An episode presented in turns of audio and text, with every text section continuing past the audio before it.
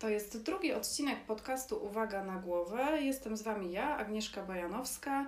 Jestem psychoterapeutką i prowadzę gabinet psychoterapii na warszawskim Mokotowie. Dzisiaj do rozmowy zaprosiłam e, świetnego badacza, doktora Konrada Piotrowskiego z Uniwersytetu SWPS, e, który opowie nam o rodzicach, którzy nie do końca radzą sobie ze swoją rodzicielską rolą e, i nie do końca się w niej odnajdują. E, Konrad, wielkie dzięki, że zgodziłeś się przyjść i porozmawiać i poświęcić e, swój czas. Bardzo dziękuję za zaproszenie. Okej, okay, super. E, to mm, powiedz mi proszę, Konrad, ja się spotykam z taką sytuacją w gabinecie psychoterapeutycznym, kiedy przychodzi osoba dorosła, która ma dzieci z takim e, no, żalem jakimś związanym z tym, że nie do końca e, czuje się właśnie dobrze w swojej rodzicielskiej roli, doświadcza trudnych emocji, trudności wychowawczych i zwykle wiąże się to z tym, że ma wobec siebie jakieś duże pretensje e, związane z, e, taką, z tymi swoimi odczuciami.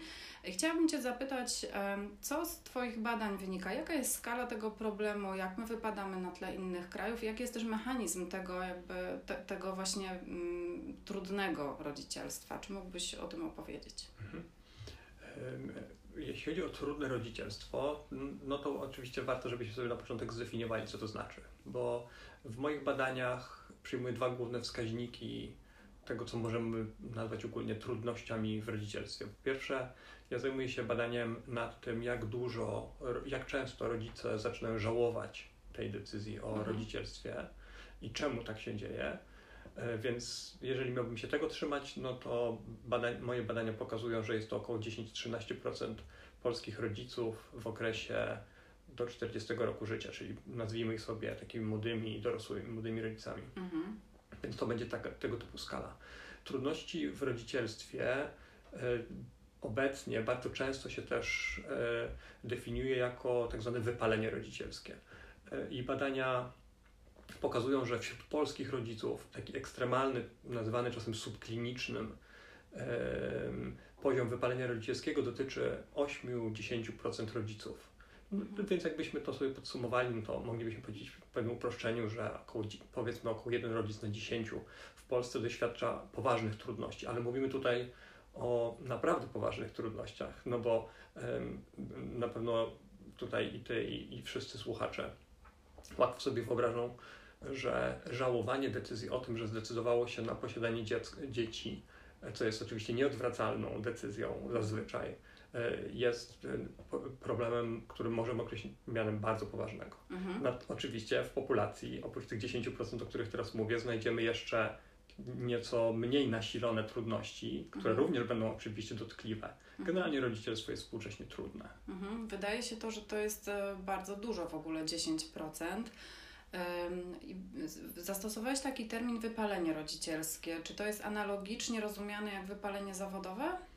Mm, podobnie. Badania nad wypaleniem rodzicielskim zaczęły się e, od wypalenia zawodowego, czyli badacze wzorowali się na, na podejściu badaczy wypalenia zawodowego. Okazało się oczywiście e, w, w, trakcie tych badań, że nie da się jakby przełożyć tego jeden do jeden, czyli wskaźniki wypalenia zawodowego są trochę inne niż wskaźniki wypalenia rodzicielskiego, ale generalnie możemy mówić o podobnym, e, o pewnym podobnym zjawisku, czyli sytuacji, w której człowiek podejmuje pewną rolę, bądź to zawodową, bądź to rodzicielską, angażuje się w nią oczywiście w, w, w, takim stopniu, w jakim uznaje za stosowne, często bardzo intensywnie, bo to są bardzo ważne role, prawda? Mhm. Najważniejsze role człowieka dorosłego, praca i rodzicielstwo. E, I na początku często e, towarzyszą temu pozytywne emocje, natomiast po kilku, kilkunastu miesiącach, latach okazuje się, że ta rola, w tym przypadku rodzicielska, staje się dużym obciążeniem, źródłem negatywnych emocji. E, no i jak prześledzimy tych kilka lat rodzicielstwa, no to właśnie zaobserwujemy ten proces powolnego wypalania się, przejścia mhm. od, od takich, nie wiem, nadziei, jakichś pozytywnych oczekiwań, aż w końcu kończymy w w punkcie, w którym ktoś uznaje, że to była najgorsza decyzja jego życia, mhm. bo to mhm. też się zdarza. To dynamika tego, o czym teraz mówisz, jest trochę inna niż to, z czym ja się spotykam w gabinecie, bo y, ja jakoś mam wrażenie, że część, częstsza sytuacja jest taka, w której od razu po urodzeniu dziecka e, pojawia się taki stan, e, no czasami u kobiet depresja okołoporodowa czy poporodowa, który następnie przekształca się w taki długotrwały jakiś stan właśnie trudności z tą rolą. A ty mówisz trochę o takiej innej dynamice, tak? Że to jest na początku ok, jest to zaangażowanie, a potem dopiero się to rozwija w takie wypalenie. Spotka, spotkamy się z różnymi trajektoriami prowadzącymi do wypalenia, więc ty pewnie spotkasz się z różnymi rodzicami w swoim mhm. gabinecie, mhm. bo największą grupą e, rodziców doświadczających wypalenia to są rodzice, którzy rzeczywiście mają trudności z regulowaniem emocji, którzy mają skłonność do, do depresji na przykład.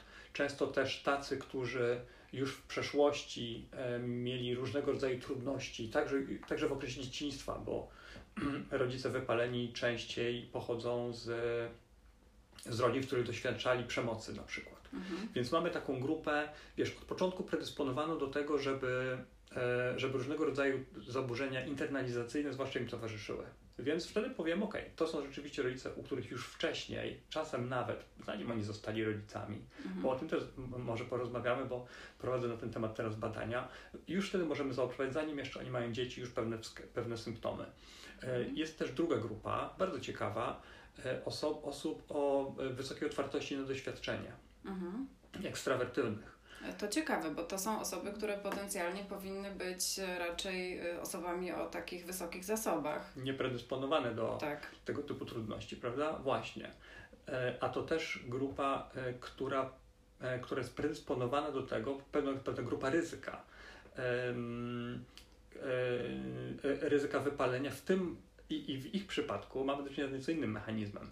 Mianowicie oni są jakby motywowani do tego rodzicielstwa, oczywiście pewnymi oczekiwaniami, mam po, pozytywnym obrazem rodzicielstwa, jaki większość z nas posiada, prawda? Traktujemy mhm. rodzicielstwo jako fajną rolę, coś, co, nie wiem, rozwija człowieka dorosłego, daje mu jakieś zasoby do rozwoju osobistego na przykład.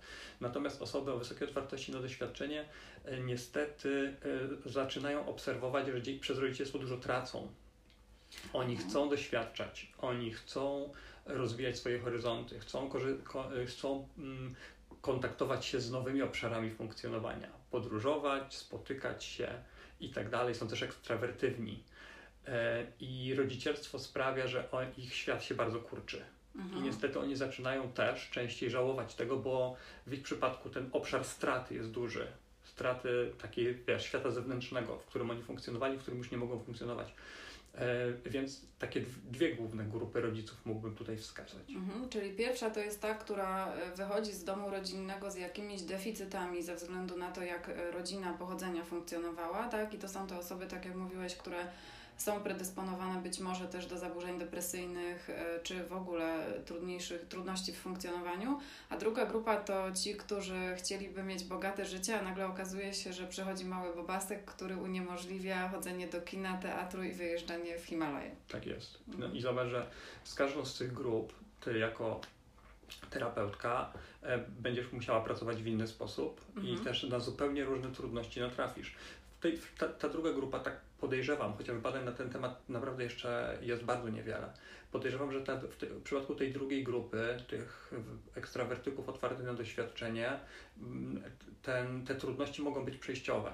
Czyli mhm. kiedy, te dzieci, kiedy ich dzieci będą już na tyle duże, że oni będą mogli wrócić do swoich codziennych aktywności, za którymi tak tęsknią, to możliwe, że ten poziom napięcia się u nich zmniejszy.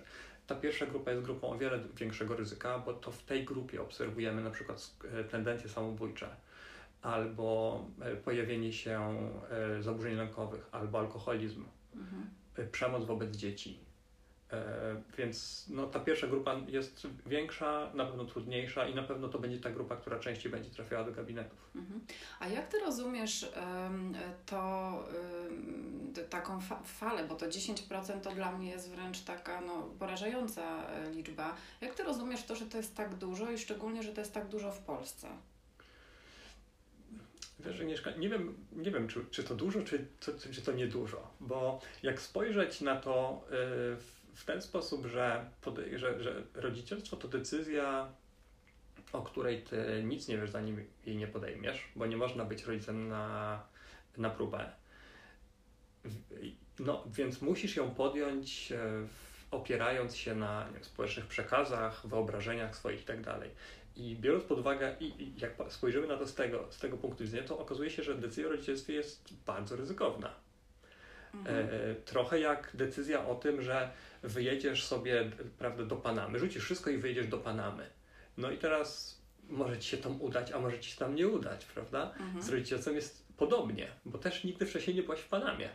I teraz, jak weźmiemy to pod uwagę i okaże się na koniec, że 9 na 10 rodziców po latach mówi, że to była fajna decyzja i oni są z, tym, z tego usatysfakcjonowani, to ja osobiście myślę sobie, że to wcale nie tak dużo. Okej, okay, czyli jest całkiem nieźle. To rzeczywiście w tym kontekście uspokoiłeś mnie trochę. E, a powiedz mi. A mogę teraz jeszcze zająć Ci chwilkę, żeby ten, ten spokój. Oczywiście. Zburzyć czy. Zburzyć, tak, zburzyć, zburzyć właśnie. Mhm. E, bo jak spojrzymy na liczby bezwzględne, y, a dla Ciebie jako terapeutki to pewnie będzie bardziej istotne, to, to jednak to jest bardzo duża grupa, bo mhm. 10% dorosłych Polaków to będzie około 2 miliony ludzi. Mhm. Jeżeli spojrzymy na Unię Europejską, której zamieszkuje 500 milionów ludzi, a statystyki pokazują, że w innych krajach będzie podobnie, czyli mówimy o 10% Europejczyków dorosłych, no to nagle okaże się, że na naszym tylko kontynencie mieszkają dziesiątki milionów rodziców, którzy na przykład żałują decyzji o rodzicielstwie albo są wypaleni. No i mhm. to już zmienia trochę perspektywę. Zgadza się. A y, wspomniałaś przed, przed, przed chwilą też y, o tym, że każdy z nas ma jakąś wizję rodzicielstwa. E, I osoby, z którymi ja pracuję, e, mam wrażenie, że miały bardzo taką lukrowaną wizję tego rodzicielstwa, szczególnie w kontekście tego, że teraz promuje się właśnie rodzicielstwo bliskości. E, dużo jest takich przekazów na temat tego, że hormony tam załatwią różne, różne rzeczy już po tym, jak się dziecko poradzi, urodzi. Natomiast no, potem okazuje się, że nikt tych młodych rodziców tak naprawdę nie przygotował do, tego, do tej roli. E, jak, czy Twoje badania mogą coś nam powiedzieć na temat tego, e, jak my możemy przygotować no, przyszłych rodziców e, jakimiś programami edukacyjnymi do tej roli? Mhm. W ogóle to, o czym teraz powiedziałaś, jest o tyle ważne, że w zasadzie jest to jeden z najważniejszych celów, jakie mi przyświecają w mojej pracy badawczej, bo bardzo, ale to bardzo mi zależy na tym, żeby pokazywać ludziom i uświadamiać im, że rodzicielstwo to nie jest taka rola jak każda inna że rodzicielstwo to nie jest to samo, co wyjście za mąż, że rodzicielstwo to nie jest to samo, co rozpoczęcie pracy, wyprowadzenie się z domu, czyli takie typowe zadanie, jakie spotykam u dorosłych. Rodzicielstwo jest trudną i ryzykowną aktywnością, bo z niej się nie można wycofać. Rodzicem się jest już na zawsze. I chciałbym, żeby te moje badania, które prowadzę od paru lat, uświadomiły ludziom, że trzeba się przygotować wcześniej do rodzicielstwa, zanim ono się zacznie, bo później już może być niestety za późno rodzicielstwo to jest bardzo intensywny kocioł emocjonalny. E, jak już to dziecko się pojawi na świecie, nagle zaczynają się aktywować schematy swojego własnego dzieciństwa, o których czasem już dawno nie pamiętałaś, mhm. E, ale nagle okazuje się, że jego płaczcie złości, mhm. E, że zamiast go przytulać i uspokajać, to ty się denerwujesz. I wtedy czasem jest już za późno. Mhm. Bo tak. przygotować się należało rok wcześniej. To jest świetne to, e, o czym teraz mówisz, dlatego że osoby, które są już rodzicami i mają z tym trudności, często trafiają na terapię w takim momencie, kiedy są już skrajnie wyczerpane, między innymi tym, że na przykład od półtora roku nie dosypiają I ja szczerze mówiąc, czasami mam problem w rozróżnieniu, która, która część trudności e, osoby, która do mnie przyszła, wynika właśnie z tych fizjologicznych jakichś problemów związanych właśnie z wyczerpaniem fizycznym po prostu, a która jest takim już pasażerem na gapę, który się gdzieś tam, e, no, który przykleił się i jest z, z tą osobą już od dłuższego czasu. Mhm. To jest trudne i rzeczywiście tu zgadzam się, że, że no, to nie tak przecież, że terapia ma być obowiązkowa zanim będziemy rodzicem, ale e, wydaje mi się, że rzeczywiście dobrym pomysłem byłoby trochę jakby uporanie się ze swoimi różnymi problemami emocjonalnymi, zanim w tą rolę się wejdzie. Zdecydowanie tak. E, jest co najmniej kilka badań. Jest jedno badanie, e, które możemy wykorzystać teraz w tej naszej dyskusji. To jest amerykańskie badanie przeprowadzone już kilka lat temu. Jedno z niewielu badań podłużnych dotyczących żałowania rodzicielstwa. E, w tym badaniu brały udział młode dziewczyny, Amerykanki, które zostały matkami w młodym wieku. One miały wtedy tam 18-19 lat, kiedy zostały tymi matkami, i wtedy rozpoczęło się też to badanie, które trwało chyba dwa lata. I w trakcie tego badania, oczywiście dzięki temu, że to było badanie podłużne, badacze mogli obserwować zmiany, które następowały. I okazało się, że im więcej wątpliwości te dziewczyny miały w okresie ciąży, wątpliwości dotyczących tego, czy sobie poradzę, czy, dam, czy, czy to była dobra decyzja, mierzyli też po, poziom poczucia winy, bo oczywiście mhm. większość tych ciąż to były ciąże nieplanowane. I okazało się, że im więcej wątpliwości towarzyszyło im na, w okresie ciąży, tym większe było ryzyko, że po dwóch latach one będą żałować tego, mhm. że zdecydowały się na to dziecko. Pamiętajmy, że mówimy tu o Stanach Zjednoczonych, czyli kraju, gdzie można ciążę usunąć mhm. na, na, żądanie kobiety. To były, dziewczyny, więc to były dziewczyny, które zaszły w ciąży wcześniej, zdecydowały się na to, żeby to dziecko żeby to dziecko urodzić, a potem bardzo często właśnie tego żałował i, okazał, i już na etapie ciąży da się złapać wskaźniki tego, że, że, jest, że jest ryzyko. Mhm. Tak samo w, w, moich badaniach, które prowadzę, okazuje się, że na przykład e, właśnie traumatyczne doświadczenia z własnych domów rodzinnych e, są naprawdę bardzo silnym czynnikiem ryzyka. I mhm. jeżeli ktoś, e, kto, jeżeli ktoś ma takie doświadczenia, a jako dziecko był na przykład zaniedbywany, albo być może był, była wobec niego stosowana przemoc fizyczna czy psychiczna, to to jest osoba, przypadku której możemy powiedzieć, że kiedy zostanie rodzicem, to ryzyko jest po prostu większe. Dlatego, że jak, jak, jak wiesz, osoby, które mają z sobą traumatyczne dzieciństwo, na przykład gorzej radzą sobie ze stresem. Mhm. Tak? Oś stresu, oś HPA funkcjonuje u nich zupełnie inaczej. One są pobudliwe, reakcje stresowe powstają szybko, mhm. trudno jest im się uspokoić. E, I teraz jak nałożymy na to dziecko, które wymaga spokoju, wymaga cierpliwości, wymaga wstawania do niego co godzinę, znoszenia płaczu, radzenia sobie z niepewnością, bo przecież dziecko to też dziesiątki decyzji każdego dnia, prawda? E, o co mu chodzi, prawda? A czemu płacze? A czy jest głodny, czy nie jest? a może płacze, bo mu gorąco, a może mu za zimno. Mhm. I niestety, ale trudności w radzeniu sobie ze stresem i taka skłonność do negatywnych emocji no niestety, ale utrudnia bycie rodzicem. Mhm. Nie, ma co tego, nie ma co tego lukrować, więc trzeba wcześniej się do tego przygotować, bo potem naprawdę już nie będzie na to miejsca.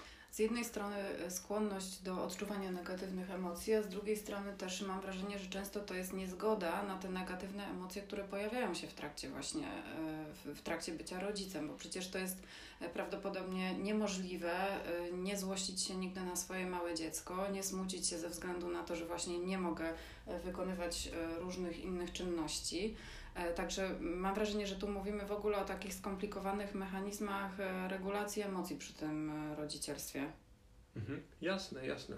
Mhm. Czyli coś, przy czym na szczęście, mam wrażenie, na szczęście jakby terapia jest w stanie pomóc w takich sytuacjach. No tylko, że właśnie kłopot jest taki, że to czasami dzieje się w kontekście, który jest taki trudny do rozróżnienia od tych fizjologicznych rzeczy, o których mówiłam. Tak, wiesz, jest co najmniej kilka świetnych pro, programów badawczych, ale, programów badawczych, ale też oddziaływań praktycznych, które pokazują, że, że możemy dużo zmienić w jakości życia rodzica, nawet relatywnie niedużą, niedużym nasileniem, niedużymi kosztami, że tak powiem, bo są na przykład bardzo ciekawe programy wsparcia dla rodziców, które zajmują kilka tygodni, mhm. na przykład 8 tygodni. My też teraz w naszym zespole testujemy skuteczność takich programów, mm, które zajmują dwa miesiące.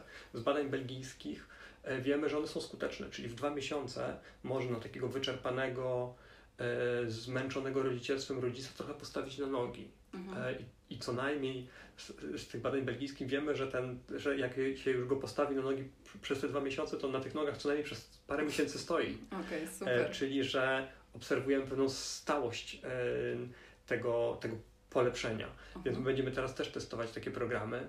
A czy mógłbyś opowiedzieć, co w takich programach jest, jeżeli chodzi o ich treść? Tak.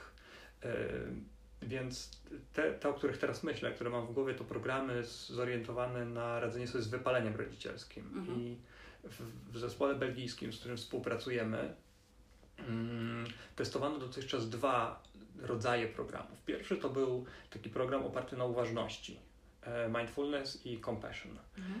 I więc kobiety brały udział w takich ośmiotygodniowych warsztatach zorientowanych na właśnie nauczenie ich uważności. To był program, który został trochę zmodyfikowany pod rodziców, e, a więc dotyczył spraw rodzicielskich. Mo moglibyśmy go tak sobie podsumować, mówiąc, mhm. że to jest taka uważność rodzicielska. Mhm. E, drugi program, e, który tam powstał i który również testujemy teraz w Polsce, to jest program takiego mm, balansowania zasobów i ryzyk. Prawda? Mhm. Program nazywa się Parenting in Balance e, i polega na również ośmiotygodniowym ośmiotygodniowych warsztatach, takich grupowych spotkaniach, e, gdzie rodzice mogą opowiedzieć o tym, co w rodzicielstwie sprawił największą trudność. Jest specjalista, terapeuta, który e, całą tę grupową dynamikę mhm. E, ogarnia, zarządza nią i krok po kroku, krok po kroku pokazujemy rodzicom, w jaki sposób oni mogą zbalansować ten, w swoim życiu ryzyka i zasoby, jakie mają do dyspozycji.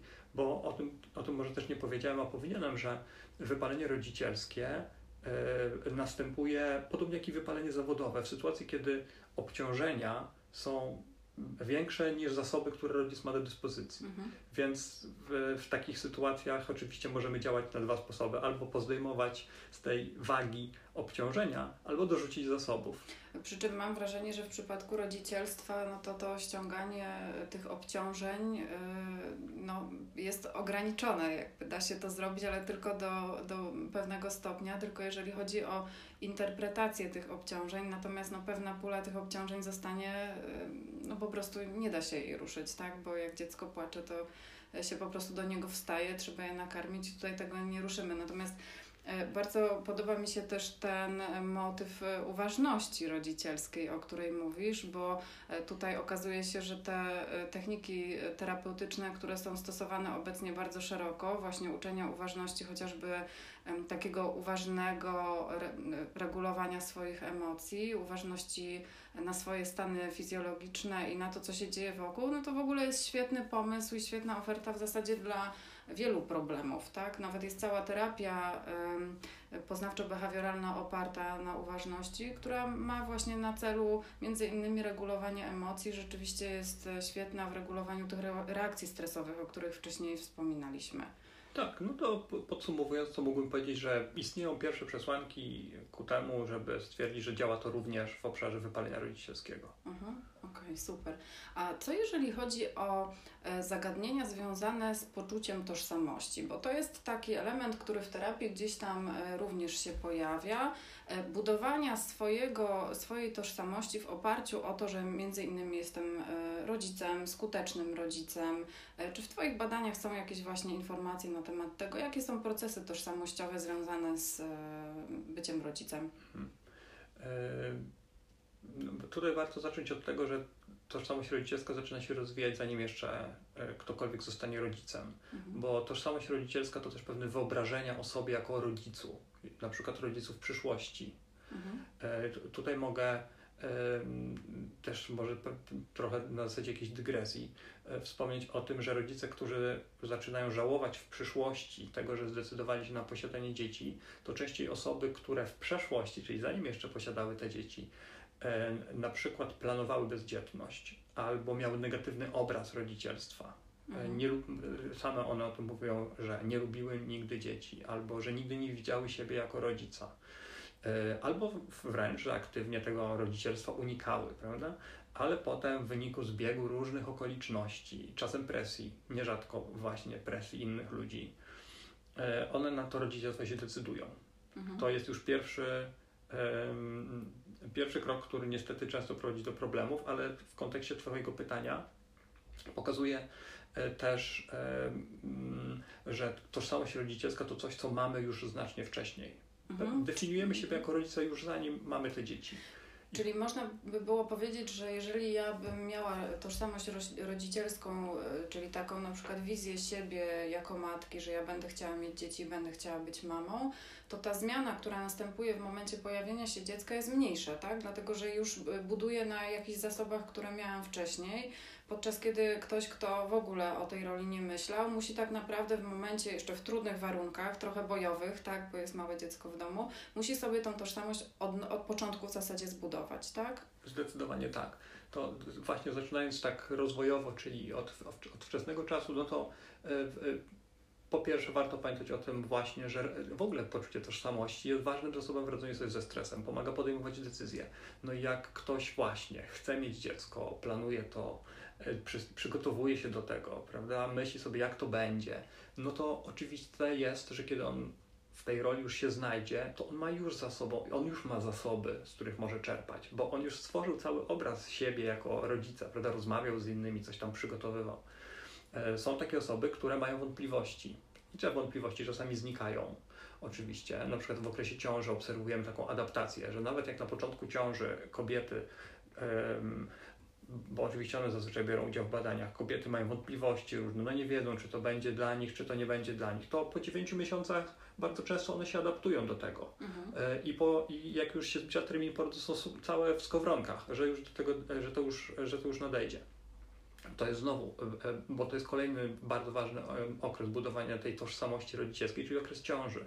No i tutaj bardzo ważne okazuje się być relacja z partnerem, mhm. dlatego że um, wspierające otoczenie społeczne, niekoniecznie partner, no ale w praktyce zazwyczaj jest to jednak ten partner, okazuje się być niezwykle ważny i to dotyczy zarówno kobiet, jak i mężczyzn. Bo mm, rodzicielstwo jest jakby też antycypowane rodzicielstwo, które nadejdzie, dopiero jest generalnie dla nas stresujące. Tak? Nie wiemy, jak to będzie, nie wiemy, czego się spodziewać. I jak mamy obok siebie kogoś, kto prawda, powie, no jakoś to będzie, prawda, damy mhm. sobie radę, to my sami możemy budować obraz siebie tak, jako tego ryzyka tak bardziej pozytywnie, z większym poczuciem bezpieczeństwa. Jak tego nie ma, no to niestety, ale no jest trudniej. No i tutaj chociażby badania pokazują, że osoby o Mm, lękowym, zwłaszcza lękowym stylu przywiązania, e, w okresie ciąży e, mają większą trudność ze zbudowaniem e, tożsamości rodzicielskiej, czyli ten, ten stopień identyfikacji z rodzicielstwem jest u nich niższy. No i z tego mhm. powodu, kiedy już to dziecko się pojawia na świecie, znów jest im trudniej, czyli znów brakuje im tego zasobu. No i kolejnym, ostatnim chyba takim etapem super ważnym w budowaniu tożsamości jest moment, kiedy już to dziecko jest na świecie. Mhm. Wtedy już no, zaczyna, zaczyna się realizować w praktyce tę rolę. No i wtedy oczywiście tożsamość buduje się bardzo intensywnie, ale tutaj właśnie chcę zwrócić uwagę na to, że to jest już ostatni etap schyłkowy. Wcześniej już bardzo dużo rzeczy się wydarzyło w dzieciństwie tych ludzi, potem jak się spodziewali tego dziecka, a później w, w dużej mierze już się zbiera też owoce. Mhm. Więc jak trudności były już wcześniej, to to niestety, ale szanse na to, że wszystko się zakończy dobrze, kiedy to dziecko przyjdzie na świat, no są po prostu mniejsze. Nie znaczy to oczywiście, że ktoś z trudnym, y, z trudnymi doświadczeniami dziecięcymi, z mało wspierającym partnerem, albo też bez partnera, nie może oczywiście rozwinąć y, silnej identyfikacji z rodzicielstwem. No, oczywiście, że może, mhm. ale statystyki pokazują, że jest po prostu trudniej, więc trzeba o tym pomyśleć wcześniej. E, teraz jak o tym e, mówisz, to wydaje mi się, że e, takie mm, dodatkowy, dodatkowy ciekawy element tego budowania, czy też pomagania w sytuacji wypalenia rodzicielskiego mogłyby stanowić kompetencje komunikacyjne między partnerami. Bo tego, jak rozumiem, w tych belgijskich programach nie ma. E, a mam wrażenie, że jak teraz mówisz o tym wsparciu pomiędzy partnerami, no to byłby to jednak taki ważny element e, jednak budowania tej tożsamości rodzicielskiej trochę wspólnie. E, no i też jakby tutaj nasuwa się takie wskazanie terapeutyczne, czy to jest, czy, czy wypalenie rodzicielskie to jest coś, co dotyka jedną osobę, czy dotyka całego systemu rodzinnego, co też potem ma przełożenie na to, jaką terapię proponujemy. Mhm. Okej, okay, no to muszę chyba powiedzieć, że nie wiem tego, ze względu na to, że badania nad wypaleniem trwają zaledwie od kilku lat e, i badań takich diadycznych, prawda, w których byśmy ocenili, czy wypalenie u kobiety i u jej partnera na przykład, czy u, po prostu u partnerów jest podobne, czy nie, to nie wiemy po prostu. Mhm. E... A wiemy coś na temat różnic między kobietami a mężczyznami? Jak często zdarza się wypalenie właśnie, czy też problemy z rodzicielstwem u kobiet versus u mężczyzn? Mhm. Więc większość badań pokazuje niewielką przewagę, przewagę tutaj w cudzysłowie, kobiet e, w obszarze wypalenia, czyli że są bardziej zagrożone wypaleniem. Różnica nie jest duża, więc e, spokojnie możemy oczekiwać w populacji dużej grupy mężczyzn wypalonych rodzicielsko, ale jednak wciąż, e, biorąc też pod uwagę, że jednak na kobietach spoczywa głównie odpowiedzialność za, na, za wychowanie dzieci, no to one są chyba nieco bardziej do tego predysponowane. Mhm. Czyli y, jeszcze dodatkowo możemy na to nałożyć jakieś sprawy związane z y, współpracą partnerów y, no, w kontekście polskim. Jestem ciekawa, jak to wygląda. Czy są jakieś informacje na temat tej pro proporcji pomiędzy kobietami a mężczyznami w Polsce versus innych krajów? z innych krajów wiesz, jak to wygląda? Raczej są, raczej są zbliżone dane. To znaczy, w większości krajów obserwujemy pewną przewagę kobiet, jeśli chodzi o osoby wypalone. Ale to może wynikać też z no, pewnego społecznego przyzwolenia na to, że mężczyźni mogą odchodzić. Mhm. E, więc możliwe, że mężczyźni, którzy się wypalają w rodzicielstwie, po prostu częściej opuszczają rodzinę, rozwodzą się, odchodzą. Kobiety, wiadomo, że z dzieckiem w 90 kilku procentach takich przypadków zostaje kobieta. E, I, I, to może sprawić, trochę zaburzyć ten obraz, mhm. bo ci mężczyźni znikają po prostu z radarów i możliwe, że oni są mniej wypaleni, bo oni po prostu wychodzą z rodzicielstwa, więc obciążenia z rodzicielskie już ich mniej dotyczą, prawda? Spotykają się z dzieckiem dwa razy w miesiącu na weekendy, no więc obciążenie jest niewielkie, ryzyko wypalenia też jest niewielkie i to może być przyczyna tego, mhm. ale o tym jeszcze nie wiemy. E, zastanawia mnie jeszcze też to, e, czy są jakieś dane dotyczące wieku, e, czy, bo teraz mówiłeś o tych badaniach amerykańskich, gdzie były te bardzo młode dziewczyny w badaniu tym, tym podłużnym, tak, takie przedwczesne można by było powiedzieć w pewnym sensie macierzyństwo, a teraz no, ostatnio zdarza się coraz częściej, że ludzie decydują się na rodzicielstwo w późnym wieku i wydawałoby się, na moją moją intuicję, że takie osoby, które gdzieś powiedzmy decydują się na to rodzicielstwo dopiero około 40, no to prawdopodobnie są osoby, które mają tą, tą całą sytuację bardziej przemyślaną, decyzja jest być może bardziej świadoma, zasobów chociażby finansowych może być trochę więcej. E, no i potencjalnie byłoby tak, że, że te osoby starsze będą mm, rzadziej e, dotknięte tym, tym problemem e, no, trudnego rodzicielstwa czy wypalenia rodzicielskiego.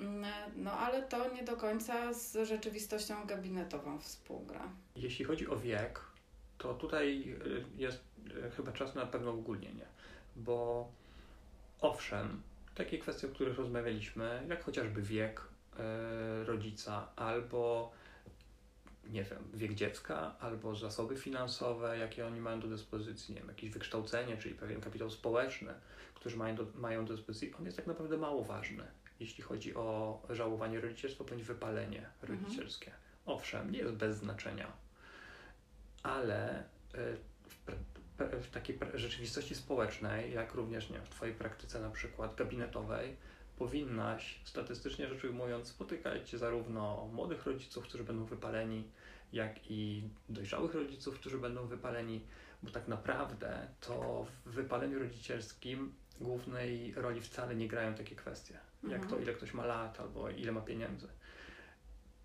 Cechy osobiste są tutaj absolutnie dominujące. Mhm.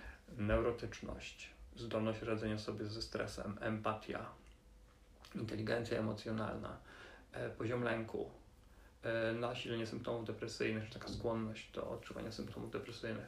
To jest sedno, jądro badań nad wypaleniem rodzicielskim. Mhm. Nie dlatego, że E, że tak się prawda, badacze umówili, tylko dlatego, że badania pokazują, że te inne rzeczy dodatkowe są no, znacznie mniej istotne. Więc mhm. owszem, no wyjaśniają jakiś tam kawałek tego świata, e, ale jeżeli chcemy pomagać rodzicom wypalonym e, i chcemy ich zrozumieć, to musimy siedzieć im w głowach. Mhm. Nie patrzeć na to, jak wygląda ich życie, prawda, gdzie mieszkają, nie wiem, jaką mają pracę, jak sobie radzą tak na co dzień, jak oni sobie radzą z emocjami, jaką oni mają samoocenę, e, czy oni się identyfikują z rodzicielstwem.